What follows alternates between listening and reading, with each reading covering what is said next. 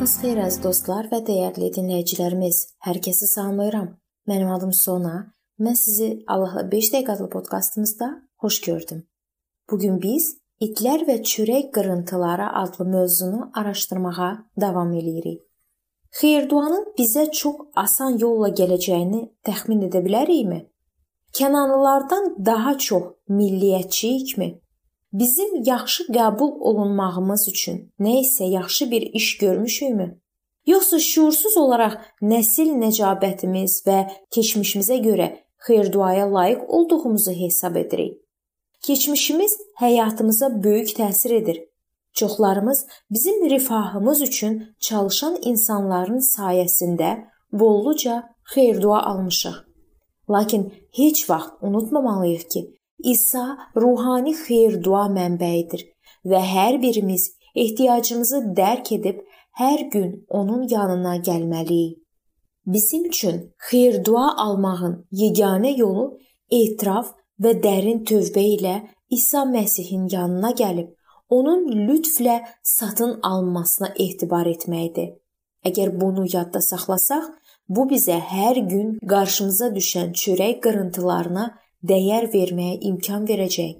Adamın xeyir-dua çatışmazlığını hiss etdiyi səbəblərdən biri xeyir-duanın asan gələcəyini düşünməsidir. Özümüzü masa arxasında təsəvvür etmək daha asandır. Nəinki masanın altında itlərlə birlikdə çörək qırıntılarını gözləmək.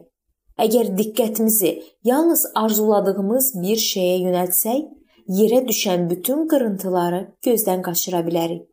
Biz düşünməli deyilik ki, xüsusi bir arzu olmadan onun yanına gəlsək, Allah bizi bolluca mükafatlandıracaq. Ona qarşı adi münasibətə cavab olaraq Allahdan sən layiq deyilsən eşitmək düzgün olmazdımı? Ehtiyacımız nə qədər böyükdür? Həqiqətən də ehtiyacımız varsa və özümüz özümüzə kömək edə bilməyəcəyimizi anlayaraq bu ehtiyac barədə İsa'ya danışsaq, onda o öz əməyini bizdə reallaşdıra bilər. İsa özü bizə təklif edir. Matta 11-ci fəsil 28-ci ayədə: Ey bütün yorğunlar və yükləri ağır olanlar, mənim yanıma gəlin, mən sizə rahatlıq verərəm.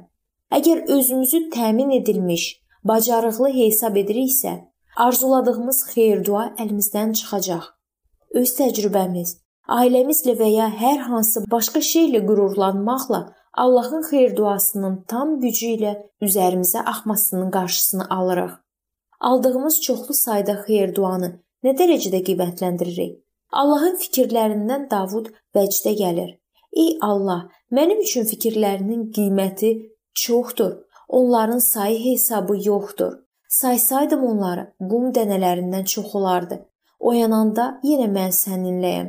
Zəbur 139 17-18 Ayaq saxlayıb Allahın bizə göndərdiyi çoxlu sayda xeyir-dua barədə düşünməyə başlayan an onlara layiq olmadığımız faktını bir daha qəbul edə bilərikmi? İmansız qonşuların bizim haqqımızda dediyi xoş sözlər özümüzü salih hiss etməyə ruhlandırırmı? Azad ölkədə yaşamağımız kimi imtiyaz ağlımızda məsihçi kimi müəyyən bir haqqa malik olmağımıza əminlik formalaşdırırmı? Biz istəyirik ki, bizi it hesab etməsinlər. Lakin unutmayaq ki, heç bir dəyəri olmayan qullarıq. Biz təkəbbürlü olma, əksinə qorx əmrinə tabe olmalıyıq.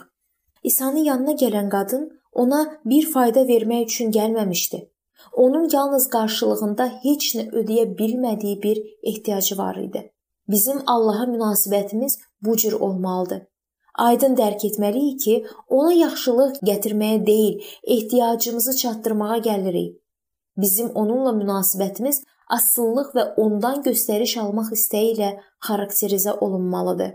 Bu qadın xeyirduanın mənbəyinin harada olduğuna qəti əmin idi. O rədd cavabını asanca qəbul etmədi. Çünki İsa'dan başqa heç kəsə ümid bağlamırdı. Allahın xeyir-duasını həyatımızda hiss edirikmi? Yerdən qırıntıları yığmağa daha çox üstünlük veririk, yoxsa düz qarşımızda olan, üstü yeməklə dolu masa axtarırıq? Bizim başımıza gələnlər qadının başına gələnlərdən fərqlənir. Lakin bizim İsa'ya münasibətimiz və ona bağlılığımız eynən belə olmalıdır. Biz bu qadın kimi İsa'nın yanına şəxsən gələ bilmərik, lakin biz Allahın bizim üçün nəzərdə tutduğu xeyir-duanı almaq üçün kanal kimi istifadə etdiyi adamlarla ünsiyyətdə oluruq. Bu heç də hər zaman asan deyil, lakin Allah işi elə qurub ki, imanlar icmasındakı qarşılıqlı münasibətlər Allahın özündən xeyir-dua gətirən kanallardır. Bəzən bizə ifşa və səhvlərin düzəldilməsi zəruridir. Bəzən yardım üçün kiməsə müraciət edirik. Belə vəziyyətlərdə insanların reaksiyasından asılı olaraq hiss edə bilərik ki, onlar bizə itdən bir qədər yaxşı, xeyir-duaya layiq olmayan adamlar kimi münasibət bəsləyirlər. Əgər xatırlasaq ki, həqiqətən də xeyir-duaya layiq deyilik və bizə olan yaxşı nə varsa Allahın lütfu ilə hədiyyə almışıq, onda imanlar cəmiyyətində bir-birimizə daha yaxşı münasibət göstərərik və rəblə gəzənlərlə ünsiyyət vasitəsilə gündəlik olaraq bizim üçün yerə düşən qırıntılar üçün minnətdarlıqla gələrik.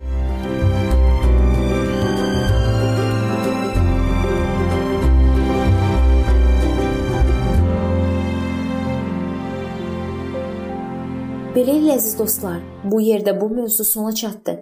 Hər zaman olduğu kimi sizi dəvət edirəm ki, bizim podkastlarımızı Facebook səhifəmizdən və YouTube kanalımızdan dinləməyə davam eləyəsiniz. İndi isə mən sizinlə sağollaşıram və növbəti görüşlərdə görmək ümidi ilə sağ olun, salamat qalın.